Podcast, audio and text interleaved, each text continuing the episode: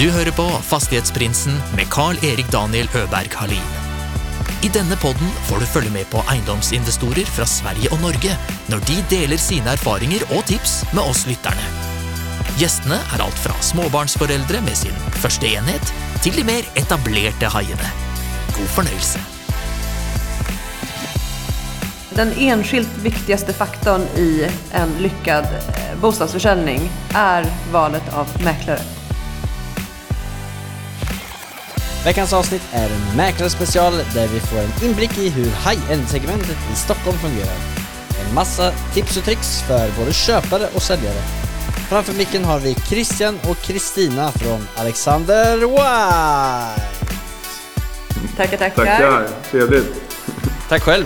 Det här ska bli superspännande. Jag har fått massa goda tips, eller må många goda frågor menar jag, från eh, följare på Fastighetsprinsens Instagram. Som eh, också undrar lite om eh, hur marknaden ser ut bland annat. Innan vi hoppar in på alla frågor, kan inte ni starta med att liksom prata lite om, eh, eller introducera er själva lite? Ni, ni har ju inte en, trad, inte en traditionell eh, mäklarbakgrund. Och Kristina, kan du starta kanske och berätta lite om vem du är och var du kommer ifrån från början? Ja, jag eh, är i grund och botten civilekonom ehm, och hade inte en tanke när jag pluggade på Handelshögskolan här i Stockholm att jag skulle bli mäklare. Eh, så jag, gick en, jag hade en annan start på min karriär. Jag var bland annat inom reklambranschen. Jag har varit eh, marknadschef på ett bränslecellsbolag, eh, ett cleantechbolag. Ehm, och sen så var jag VD för ett, ett bolag innan jag bestämde mig för att byta karriärbana och skola om till fastighetsmäklare. Hur kom det sig att du valde just att skolan eller hoppa på yrket? Uh, men jag satt och funderade. Jag sa faktiskt upp mig från min tjänst uh, som VD utan någon, någon plan egentligen. Uh, och så började jag fundera på vad jag tyckte var roligt och vad mina styrkor var och hur jag ville att min livsstil skulle se ut. Och kom fram till att måste, jag vill gärna ha någonting där jag är, har ett, mitt egna bolag och där jag kan äga min tid mer än vad jag kunde i den tidigare rollen. Uh, för där var jag på, liksom, på jobbet på sex morgonen och gick sist av alla och så kom hem sent och hade två små barn som jag gärna ville se växa upp. Ja. så då, då uh, ja, liksom satt jag och diskuterade med vänner och, och min man och så, så landade jag det är fastighetsmäklare jag ska bli. Ja. Uh, och, och, för att jag såg fördelar dels med den bakgrunden jag hade, att det fanns mycket av det jag kunde ta med mig in i rollen som fastighetsmäklare. Allt ifrån projektledning, förhandling, mm. eh, liksom affärsskapande, eh, alla marknadsför, ja, alla sådana bitar som, som jag kunde ta med mig in i det här. Och eh, fördelen för mig var att eh, som mäklare, så du kan ju välja om du är anställd eller om du är ehm, egen, så har ett eget bolag och jobbar under ett varumärke. Och du är, i och med att det är 100% provision så har de flesta arbetsplatser inte någon Facetime policy eller att liksom vissa fasta arbetstider. Så du kan lite grann, så länge du får jobbet gjort så får du lägga upp din tid hur du vill. Okay. Vilket passar jättebra när man har två småbarn och kanske måste åka och hämta tidigt på skolan. Då kan mm. jag sitta på kvällen istället. Eller vet, min man var hemma på söndagar när jag jobbade, vilket var kanon. Då kunde, liksom, kunde vi dela upp det där. Ja. Ja, men det är superbra. Um, ja. Är det samma anledning du, som du Christian hoppade in på att bli mäklare och vart var det du kom ifrån? Just det, ja men jag var också intresserad av faktiskt eh, egentligen så här, jag kom ju från modebranschen från början och jobbade som mm. designer för eh, olika företag. Eh, okay. Både i ja, Sverige och internationellt. Så att, eh, bland annat i USA, jag var nästan fem år totalt i Amerika. Och eh, Mm. Eh, ja, jobbade då på olika designföretag. Och eh, sen var jag även i Stockholm eh, på Tiger of Sweden i nästan åtta år. och mm. sen på Lindeberg. Så jag har en ganska lång historia där. Men det som var intressant egentligen, det, det som alltid som jag har attraherats av, det har ju varit liksom affärsdelen i, i och företagsbyggande. Det är något som alltid varit intressant. Jag startade även ett eget modemärke eh, runt 2016. Eh, som också gick bra och vi hade en, en, eh, vad ska man säga, en tillväxt. Men sen eh, kom ju coronan om man ska vara helt ärlig och gjorde en mm. hel del förändringar på landskapet som i modebranschen. Och ur det perspektivet så kändes det som att okay, nu kanske det är dags att faktiskt ta den här tanken som man hade tidigare då och utveckla den. Mm. Och då stod det egentligen mellan arkitekt eller faktiskt fastighetsmäklare då för att som jag sa, den här affärssidan är alltid intressant. Eh, Så då, då kompletteringsläste jag lite kurser som behövdes och sen eh, så blev jag, eh, fick jag licens eh, så kunde jag jobba som mäklare då och gjort det nu i drygt ett år. Mm, Okej. Och du har jobbat i ett år och eh, Kristina, hur länge har du varit mäklare? Jag har jobbat eh, sedan 2017. Eh, inom 2017? Ja. Vad var det som gjorde att ni valde just eh, Alexander White då? Och vad, vad är det som gör att Alexander White är eh, den bästa mäklarfirman? Eh, Jag eh, började min mäklarkarriär på Eklund Stockholm New York eh, och eh, sen så blev jag tillfrågad av en av delägarna på Alexander White om inte jag skulle komma över hit. Mm. Eh, det som jag lockades av då var att det är ett starkt varumärke som är liksom exklusivt men, men inte exkluderande. Det är ändå ett, eh, ja men lite, det är kvalitet i, i allt som görs men att eh, det inte känns, ja hur ska man säga, stelt och, och för traditionellt utan lite mer framåtlutat. Mm. Så det var Men- ena delen. Är det några speciella, alltså, är det en speciell inriktning som Alexander White har? Är det ett visst eh, prissegment eller en viss eh, region som, eller Ja. eh, typ av lägenheter som man Absolut. säljer? Mm. Ja. Nej men det är det. Det finns ju, det, det, vi arbetar ju som Kristina säger mer exklusivt då fast inte exkluderande i, i den bemärkelsen att vi försöker ju arbeta med större objekt och mer exklusiva försäljningar.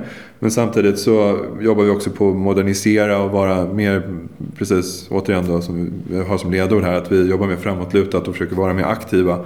Eh, Så att man inte landar i en, liksom ett mer gammalt tänk och traditionellt mäkleri ur det perspektivet. Och det var väl egentligen vad, som också attraherade mig med Alexander White. Att det känns mer som ett brand. Liksom när man kommer från fashion-sidan då så Okej.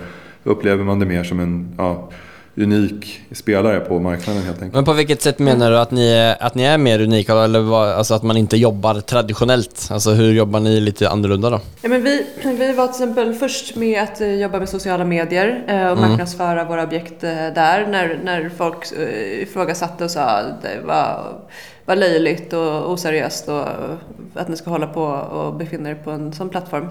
Men nu gör ju alla det.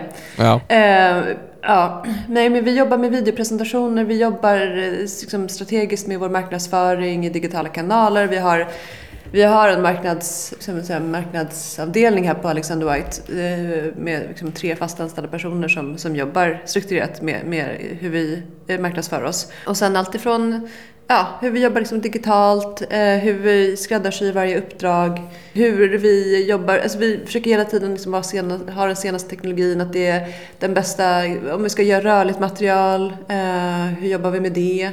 Ehm, och eh, hur jobbar vi med att, liksom, vår kundvård? Så att, ja, vi försöker vara digitala och vi försöker hela tiden att anpassa efter att erbjuda kunderna någonting som känns liksom genomtänkt och utvecklat. Till exempel att vi har jobbat med sökuppdrag och att hjälpa kunden att både hitta sin bostad och, och sälja sin bostad. Och det är väl det att vi, vi försöker att undvika den här fabriksprocessen och att vi hela tiden snappar upp vad, hur kan vi på bästa sätt eh, lösa en bostadsaffär åt våra, åt våra uppdragsgivare. Vad är det som man ska tänka på då? Jag som eh, ska sälja min, eh, min bostad i val av mäklare, vad är det jag ska titta efter då? Ja, ja, precis. Det finns ju det finns många parametrar där som man ska titta på skulle jag säga. Men framförallt så skulle jag säga att närvaron liksom, av mäklaren, att, att eh, det finns en kontinuitet, att man hela tiden är närvarande. För jag tror många, eh, vi försöker ju premiera oss med det liksom, och säga att vi jobbar hela tiden närvarande i processen, vi är alltid tillgängliga. Eh, många andra kanske jobbar med assistenter som kommer och tar över affären eller andra delar. Så att, eh, vi, ser väl vikten av det faktiskt, skulle jag säga. Men hur, för, för det där har jag själv varit, varit eh, vad ska jag säga, varit med om. Det är en, en mäklare som är bra på pitchen, eh, man får ett bra förtroende för den, sen så tar de ett steg bakåt. Hur kan man säkra sig att det faktiskt är den personen som man ingår avtalet med, att det är den som är liksom eh, med från start till slut? Mm, nej men det är en jättebra fråga. Dels så tycker jag att man ska titta på rekommendationer eh, och kanske be om att få referenser om det inte är så att man har fått en personlig rekommendation. Mm. Då kan man faktiskt be att, att få en referens från mäklaren och, be, och, och, och ringa upp och prata med en tidigare uppdragsgivare. Sen kan man ju se liksom lite olika varningssignaler, tycker vi. Eh, och det är dels att har du en mäklare som sitter med liksom tio objekt samtidigt dygnet har bara ett visst antal timmar. Det blir väldigt, väldigt svårt för, för en mäklare att jobba så fokuserat med din bostadsaffär som du kanske tycker att den förtjänar. Om, om den personen sitter med massa andra försäljningar och eh, intagsmöten och pitchmöten och, och allt annat som ska ingå i mäklarens eh, arbetsuppgifter. Då blir det svårt att få fokuset. Och då kan det lätt bli att, att de slänger in en, en assistent som gör en del av jobbet eller att det blir en mäklarkollega som, som får rycka in och hjälpa till och som kanske inte alls var den personen man hade anlitat för uppdraget. Ja, alltså det, det finns ju olika typer av mäklartjänster eller vad man ska säga. Det, det, det är ju eh, vanliga pri, privatbostäder eh, och i de olika segmenten skulle man kunna säga att man kan dela in dem i två olika segmenter. Alltså en vanlig mm. bostad och lite mer high-end eh, marknad. Det är flera, mm. flera mm. delar som man skulle kunna dela in det i, tycker ni eller? Mm. Ja, ja, precis. Det finns säkert olika delar. Eh, men jag tror man i grund och botten kan dela in det inom den fördelningen. För att Sen är det klart att det finns mer exklusiva och mindre exklusiva i varje och, och samma sak med lägenheterna och så vidare. Men primärt så vi, vi strävar efter att, och, när vi går tillbaka till det här med liksom hur man jobbar med kunden, att det här med exklusiviteten det handlar ju också om tid. Hur mycket tid du får av mäklaren och det är det vi försöker eh, ge kunden mer av, att vi är närvarande. Mm. Krävs det något speciellt av en mäklare som säljer i high-end versus en som säljer en vanlig bostad? Alltså vad är det som eh, mm. en kund förväntar sig av det? Ja, jag tycker att eh, alla bostadsaffärer ska få samma samma kärlek och fokus. Men sen kan det ju vara så att det, det Tittar man på eh, lägenheter eller bostäder som ska gå för liksom högre slutpriser så är det såklart att eh, då vill man ju bara ha toppmäklarna, de som presterar allra bäst. Och det som skiljer en eh, toppmäklare eh, från en ja, gemene, gemene mäklare är väl att man, in, man jobbar extremt aktivt aktivt och fokuserat med försäljningen. Det finns vissa mäklare kanske som jobbar som mer ordermottagare. Man står på en visning, man, man, man ber spekulanterna skriva ner sitt namn och sen så, tar man, så, så får spekulanterna ringa in med sina bud. Det blir lite sådär, ja, ordermottagare kallar jag det för. En toppmäklare i mina ögon eh, sätter en, en strategi med sin uppdragsgivare som är helt och hållet anpassat efter den exakta tidpunkten man står i marknaden. Och det kan förändras från vecka till vecka. Men så här, hur ser marknaden för just ditt objekt ut exakt just nu? Och hur ska vi bäst utnyttja den situationen? Och så lägger man en plan och sen jobbar man extremt aktivt med prissättning, med hur man lägger upp visningstider, vilka, vilka spekulanter man tar till visningen, eh, hur man kommunicerar med spekulanterna, ska man, hur, vad man har man för budgivningsregler och så vidare. Så det är extremt eh, fingertoppskänsla och extremt eh, noga detaljerat exakt hur man gör hela processen. Mm. Och, och det här kräver ju väldigt mycket tid från en mäklare att kunna liksom vara så extremt noggrann. Så därför så anser vi att man inte, att man inte bör jobba med, med eh, så många objekt igång samtidigt. Har du några exempel på de, de eh, punkterna som du tog upp då? Alltså hur, hur gör man för att få den specifika potentiella köparen på, vi, på en visning? Och hur jobbar ni med det mot hur en, en, en annan kanske kan jobba med det? Nej men dels så går vi ut med eh, en genomtänkt marknadsföring. Och om vi tar ett exempel när en bostad är på en öppen marknad, det vill när man lägger ut den på Hemnet till exempel. Och då vill man ha så bred exponering av det objektet som möjligt. Och då, då gör vi, sätter vi ihop en plan tillsammans med vår marknadsansvarig. Så tittar man på vilka kanaler ska vi synas? Ska vi göra samarbeten med bloggare och influencers? Ska vi göra redaktionellt innehåll i en tidning? Eh, ska vi eh, ja, göra dem till event i bostaden. Så man tittar på så här, vad är det för typ av objekt och hur ska vi hur, hur bäst marknadsföra det här för att få, få så bra gehör från marknaden som möjligt. Vad för typ av event kan du tänka, eller menar du att man kan göra med, när man ska sälja en bostad? Det kan vara att man har en konstutställning i bostaden. Mm. Det kan vara att man har ett, liksom en drink, ett mingel i bostaden. Det kan vara att man har Um, någon annan typ av liksom, produkt som ska exponeras och så bjud, gör man ett samarbete till exempel med den designern. Uh, och så, så bjuder man in uh, sina kunder från sitt nätverk. Okej, okay, så, man, så man har mm. typ, eh, låt säga att du har en eh, konstutställning i lägenheten kombinerat mm. med en visning om lägenheten. Mm. mm. Ja, det var kul. Ja, men det, precis. det är ganska bra. Det är, jag har gjort några villavisningar också faktiskt. Där vi har gjort lite så här, som en buffé i köket. Typ, av, det var till exempel Ja. en, en fantastisk villa på eh, ja, en av de bättre orterna här i Stockholm. Där vi sålde, eh, och då, då visade det sig att de hade äppelträd i trädgården. Som de Mm. gjorde egen must på. Och det blev ju en succé på visningen då att man bjöd på det här. Eh, som Ja. skapar liksom ambians och lite feeling på hur, ja, hur man kan få Så ni bjuder egentligen in till eh, mustprovsmakning och så är det liksom, ja, så kan ni kolla på huset också. Ja, precis. Lite så. Faktiskt. Ja, nej, men Ja, det men funkar ju. Eh, Det där är en skitbra idé. Alltså, att tänka i de banorna, att man, har, att, att man lägger till någonting mer för att skapa ännu mer fuss runt omkring eh, idén. Vi- Vilka liksom prisklasser? Det är ju ganska... Eh, alltså ni opererar ju i en, i en viss prisklass. Alltså vart tror ni att gränsen går för att det där ska fungera? Tror ni att det fungerar om du ska sälja eh, liksom random lägenhet på, för fem miljoner i centrala Alltså, Stockholm? jag, jag tror att det är case by case egentligen. Men samtidigt som du säger, jag tror att det, det, det, man gör det nog faktiskt på objekt som är mer, alltså dyrare objekt eller mer Där, där exklusivt. provisionen är högre. Mm. Ja, precis. För det är kopplat någonstans. Vi som mäklare, det är ju lite speciellt i vårt yrke, att vi får ju bara betalt när bostaden är såld. Ja. Eh, så att vi jobbar ju eh, i princip gratis fram tills det så att, att alla parter är nöjda man kommer till avslut. Och det innebär också att vi måste ju se de kostnader vi lägger ner i marknadsföring måste någonstans motiveras mot vilket arvode vi har möjlighet att tjäna. Eh, Så till exempel, skulle vi sälja en fantastisk våning här uppe på Östermalm med en jättetakterrass, då kanske man som tycker att det är värt, och så har man ett arvode på 500 000, ja men då kanske det är värt att bjuda in en artist som har en, liksom en takspelning och så bjuder man in eh, de mest intressanta kunderna och så kanske man också har någon samarbete med någon exklusiv juvelerare eller, ja det finns ju massa saker man hittar på. Sådana saker gör man ju inte på ett arvode som ligger på 50 000. Nej. Hur, eh, Det är ju lite andra eller väldigt annorlunda regler upplever jag det som i Sverige och Norge. I, I Norge så kan jag väl säga med 99% säkerhet att, att eh, man inte bara jobbar på, på provision.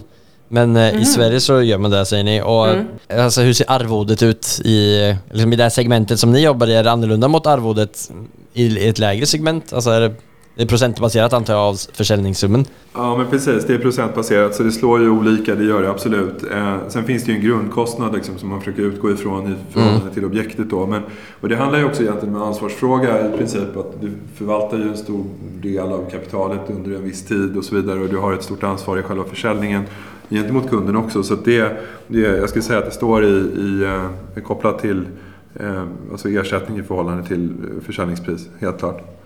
Alltså i Norge så ligger det väl typ på, du har en sån fast summa och så ligger det väl med en och en halv procent i så jag, snack, jag har intervjuat en, ehm, en mäklare i, som håller på med i, i Spanien. Där är ju förutsättningarna också lite annorlunda. Eh, men där är det ju också bara provisionsbaserat. Där är det väl upp mot, vad var det, sa, mellan 6 och kunde vara en, ännu högre än så också. Mm. Hur ligger det i, Sve- i Sverige med det där? Och är det skillnad på alltså, high-end-segmentet? Jag tror att eh, mäklare i high-end-segmentet tar väl generellt lite högre arvode. Ja, Men i okej. Sverige så är vi inte så duktiga på att ta betalt för våra mäklartjänster. Så att där ligger vi väl runt 1% skulle jag säga i snitt. Mm, okej. Eh, men som, eh, om jag ska köpa en då. Om jag ska köpa en bostad. Ni har ju säkert varit med om många olika typer av strategier. Har ni fattat liksom tycke för någon speciell strategi som köpare? Som ni har sett. Vilken är den bästa strategin för att liksom bli, för att köpa en bostad för det billigaste priset? I Eller just den här priset? marknaden. Ja, Ja, ja, i och för beror- sig det, nu går vi ju in i en speciell eh, marknad också kanske. Det har ju svängt över. Det har ju varit säljarnas marknad och nu börjar det svänga över till att bli köparnas marknad. Mm. Vilket betyder då att eh, det finns ett större utbud och en lite lägre efterfrågan. Mm. Ehm, och i, i den typen av marknad så har man ju som, som sagt då, en fördel att vara köpare. Då kan man ju göra de här, för att Stockholmsmarknaden är en väldigt väl fungerande marknad rent generellt. Det, Hemnet eh, har ju den största delen av alla bostäder. Det är en väldigt transparent marknad och folk har stenkoll både på sin egen bostad och på andra bostäder. Ehm, så att man, det är svårt att göra klipp så att säga. För att oftast när folk säger att de har gjort en så himla bra lägenhetsköp så beror det på att det var någon nackdel med bostaden som gjorde att andra inte var lika intresserade. Men i den här marknaden så har du ju en fördel som köpare att du kan vara lite kaxig på det sättet att du kan inkomma med ett förhandsbud på en bostad och som du tidsbegränsar. Och då sätter du ju press på säljaren och mäklaren. Eh, och det är alltid värt att liksom slänga fram frågan. Man kan alltid fråga, eller du vet, er, erbjudandet. Man kan inte få mer än ett nej. Nej. Så det är väl liksom rekommendationen till en köpare i dagens marknad är väl att ha koll på vad man har för budget. Se vilka mäklare som kanske är lite trötta och som gärna vill bli av med sina objekt. Eh, sån kan man ha bra förhandlingsläge gentemot. Eh, och sen så våga ställa frågan att så här, ja, nej men jag är intresserad av lägenheten, jag eh, är beredd att ge X kronor för den men det här budet gäller till exempel till 18 ikväll. Och ibland så känner ju liksom säljaren att, att man inte vågar riska att inte ta budet. Så då kan man, då kan man få till en jättebra deal. Ja, okej. Så våga skjuta lite på fler... Våga vara lite osvensk, jag säga. Nu har, har spekulanterna blivit lite bättre på det i Stockholm, men, men att, att förhandla helt enkelt. Det är helt okej att förhandla. Ni jobbar ju bara från, eller eh, med säljaren också? Eller jobbar ni på uppdrag för att hitta bostäder åt folk också? Ja, men det gör vi också, absolut. Eh, men man jobbar omvänt då, som vi brukar kalla det, liksom, när det blir en sökprocess. Eh, och jag har väl haft några sådana också, där man tittar på eh, specifika önskemål och krav, vissa områden, en speciell prisklass och så vidare. Och sen försöker man hitta det då åt kunden. Så det, det finns olika sorters ingångar på hur man kan lösa det. Men, men för, ofta så landar det i att man, man får kontakta de eventuella säljare som man redan har i, i påtänkta då. Som, Och säga det att nu har vi en kund som är specifikt intresserad. Och det, det har jag gjort då. Och, och då är det faktiskt många som förvånansvärt har nappat på det och tyckt att det varit intressant och tagit det vidare, diskuterat det. Som säljare då, vad är, eh, finns det olika strategier att, att ha som säljare? Ja, men man får, vi börjar alltid våra liksom, uppdrag med att eh, mm, prata ihop oss då med våra uppdragsgivare så att vi får en bild av hur deras förväntningar på affären ser ut, vad de har för förutsättningar och önskemål. Och så lägger man en plan utifrån det. Och ibland kan det vara så att de vill ha en diskret försäljning, att man inte vill gå ut på Hemnet med stora visningar och mycket folk, utan man, man är sådär, nej men vi är inte stressade att sälja, men hittar du en köpare på den här nivån så är vi beredda att komma till avslut och då är vi intresserade att få den informationen. Så att man utgår någonstans alltid från kunden och sen så, eh, ja, så lägger man planen där. Alltså finns det olika typer av strategier? Om det är en lägenhet som är svårsåld till exempel då? Hur skulle ni gå tillväga då? Om den har inte blivit såld på ett år? Vad, vad kan Sänk man göra? På ett år, ja precis. Nej, ja, sänk priset är absolut, det är ju ett sätt eh, naturligtvis. Men sen handlar det mycket om, jag, jag tror att det, det är helt individuellt som sagt beroende på var den ligger och vilka förutsättningar som finns. Men är det en bra lägenhet på, som inte har reagerat på, då skulle man ju helt klart säga som Kristina säger att det är priset det handlar om. Att, att man någonstans har landat för högt liksom. Sen så kan det också vara så att man, jag träffade en kund igår eh, som hade varit ute med sin lägenhet till försäljning. De hade fått värdering av några mäklare eh, och sen så hade de valt en av dem och eh, det hade inte gått alls. De hade inte fått så mycket spekulanter till visningen och de hade inte fått ett enda bud. Och det var när marknaden var bra. Och i ett sånt fall så, så intervjuar jag alltid kunden och säger så här, okej, berätta vad som hände. Vad hade ni för värdering? Vad fick ni för värdering? Vad hade ni för prisstrategi? Hur många visningar hade ni? Vad sa spekulanterna? Så att jag får en så bra bild som möjligt. Och då kan det vara så att det egentligen inte var så mycket fel på någonting förutom att mäklarna hade värderat bostaden för högt. Och det kan tyvärr hända när det är så att det är flera mäklare som pitchar på samma uppdrag. Så vill de gärna, tenderar de till att lägga en hög värdering för att få in uppdraget.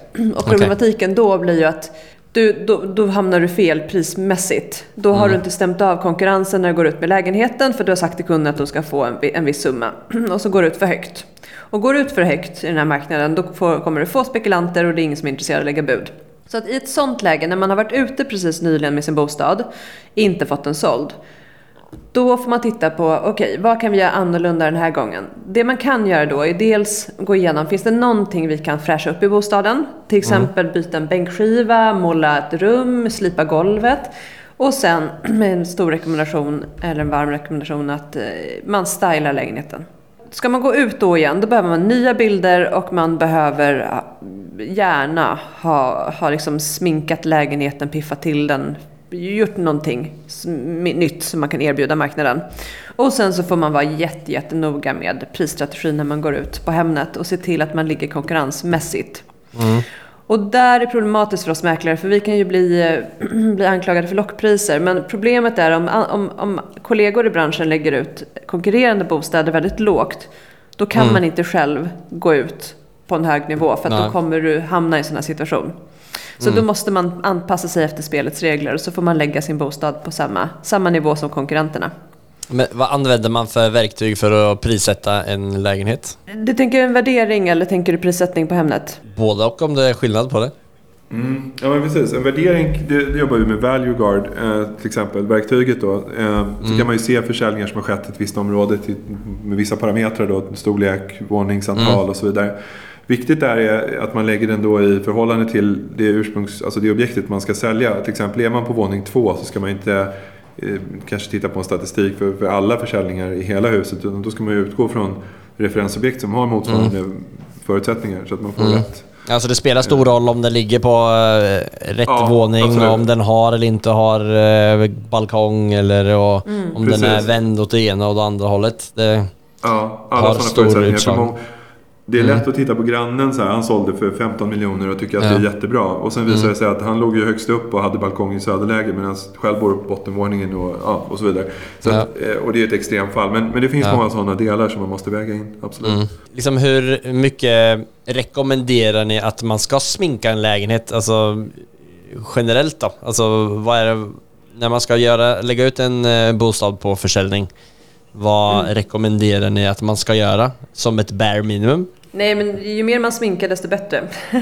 Ja, så är det More, more is more i, i den här Ja. världen. Ja. Ja. Nej, men så är det ju. Det finns ju de som, har, som gör en jättefin bostadskarriär eh, just för att de har blivit proffs på att ja, sminka bostäder. Mm. Eh, och det, då får man liksom titta på en bostad och säga, okej vad har vi för, för någonting att jobba med här? Det kan som sagt vara att man slipar golven. Eh, det kan vara att man förbättrar ytskikten. Det kan vara att man byter handtag på köksluckorna i köket så att det känns uppdaterat. Det kan vara att man lackar om köksluckorna. Det kan vara att man jag hade en kund som hade en, eh, liksom en glasvägg i sitt badrum som kändes väldigt liksom, utdaterad. Ehm, och då tog vi bort glaset och så, så gjorde vi en, eh, liksom en, en tadelaktvägg, alltså som en, det ser ut som betong nästan.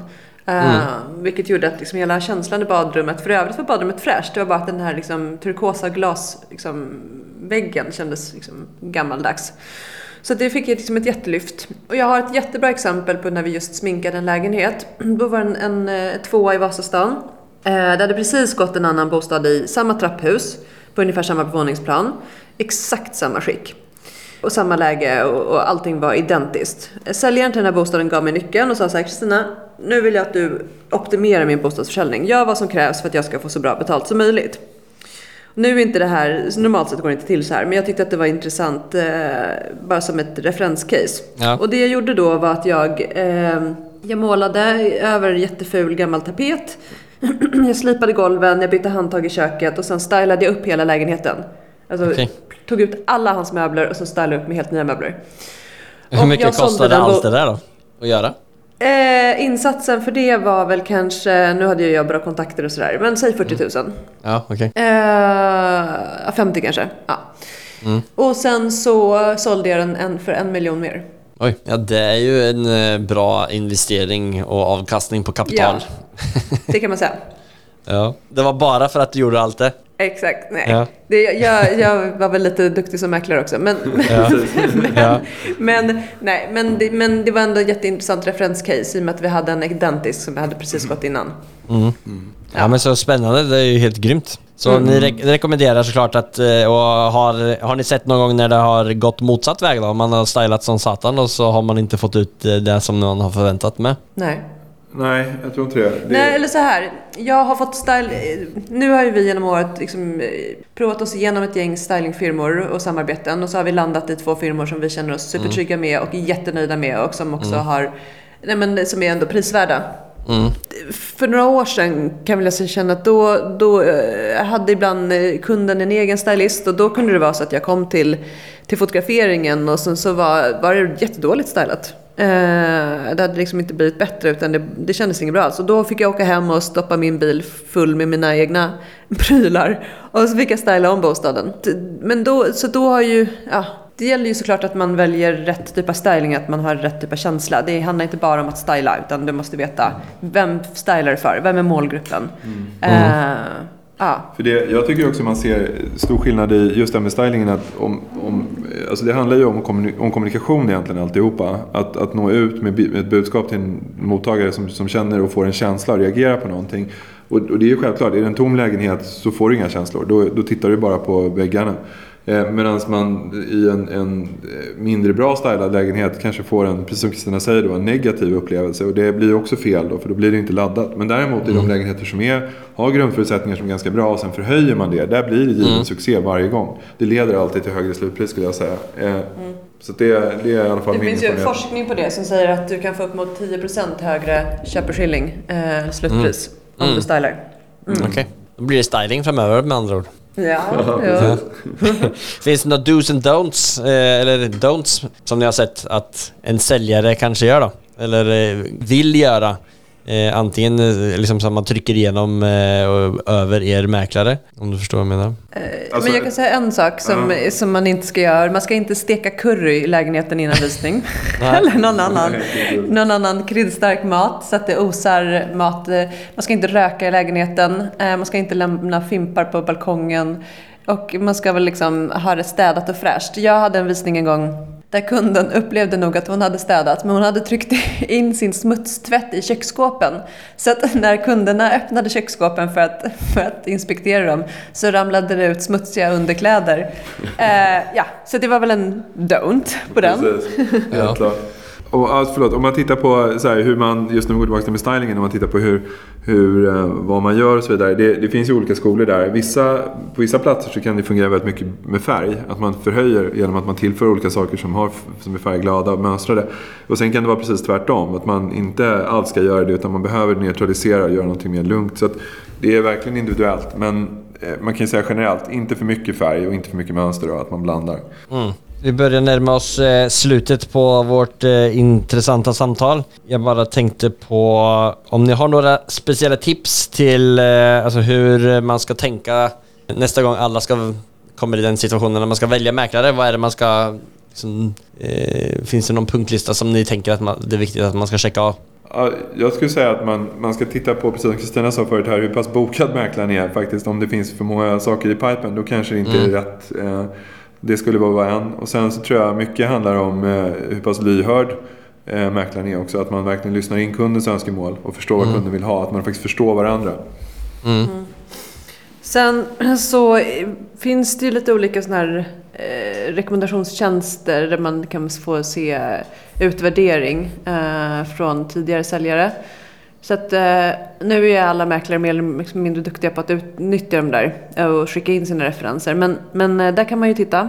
Man kan också titta på mäklarens befintliga uppdrag. Hur ser de annonserna ut? Hur ser annonstexten ut? Hur ser bilderna ut? Vill jag att min bostad ska, ska visas upp på det här sättet? Känner jag mig nöjd med det? Nej, men gör ett bra förarbete egentligen, eh, Ja. är rekommendationen. Eh, Ja, precis. Hur tror ni mäklarbranschen ser ut om eh, tio år? Blir det någon ändring eller kommer den fortsätta vara på samma sätt som den fungerar idag?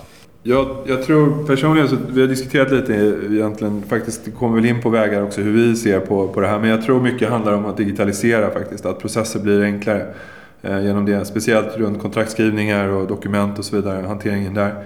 Jag tror att vi kommer att... Alltså, mä- mäklarbranschen i Sverige är ju väldigt konventionell och har inte hänt så mycket eh, utveckling eh, på lång tid. Eh, jag tror att vi kommer börja röra oss mer mot eh, än den amerikanska och spanska modellen. Att man, man eh, har en eh, köpmäklare och en säljmäklare. Eh, folk är så upptagna idag. Det är jättesvårt att springa på alla visningar och ha koll på föreningars ekonomi och allting. Så jag, jag tror att det kommer kunna finnas en, liksom en önskan från eh, köpare att få hjälp i den här processen.